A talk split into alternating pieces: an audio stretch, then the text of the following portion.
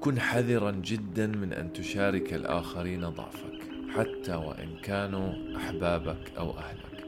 فإن نظرتهم ستتغير عنك. بعض المعارك يجب أن تخاض بين عقلك وقلبك. قد يتساءل البعض ويقول لك حتى وإن كانوا أحبابك وأصدقائك مش هؤلاء هم الأشخاص الصح؟ طيب قد يكون من الأسهل لي أني أقول نعم شارك ضعفك مع الأشخاص الصح. لكن ألم نكن متأكدين من أن بعض الأشخاص هم هؤلاء الأشخاص الصح حتى طعنونا بظهورنا؟ وبعد أول خلاف استخدموا الضعف تبعنا ضدنا؟ هدول هم نفسهم اللي كنا متأكدين أنهم الأشخاص الصح. وحتى لو لم يطعنونا بالشكل الظاهر صورتنا عندهم هتتغير في عقلهم الباطن حتى وإن لم يشعروا.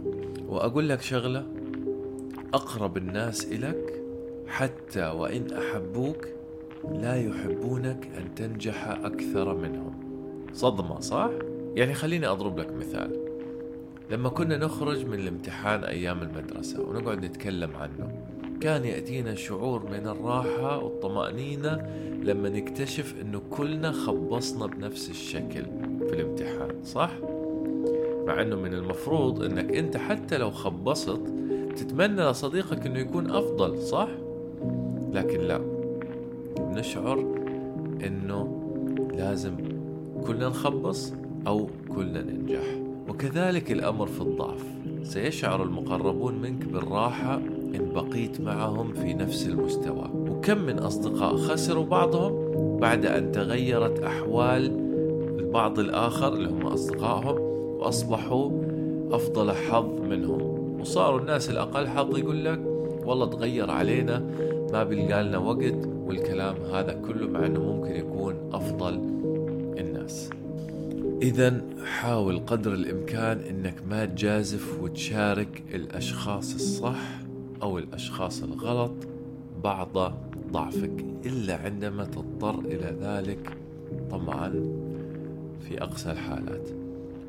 طبعا وقد يقول آخر يعني ننفجر ما نتكلم. كيف نعالج الكبت والضعف اللي إحنا فيه؟ طيب مين قال لك إنه العلاج بيكون من خلال الكلام بس؟ قد يكون العلاج بنشاطات بتقوم فيها بهوايات جديدة تتبناها بمهارات تتعلمها بنشاطات بغيره. في طرق تعبير أخرى والكلام ممكن يكون تأثيره سلبي أكثر منه إيجابي. كأنه تصير مشاركتك لضعفك عادة وتوكيد لذاتك على ضعفها.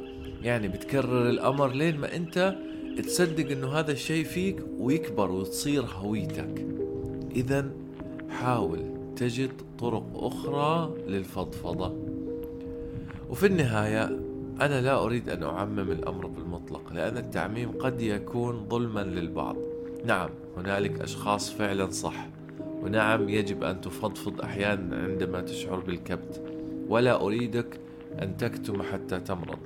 لكن في المرة القادمة التي تريد أن تخرج فيها ضعفك للآخرين احذر وفكر مرتين. ويعطيكم العافية.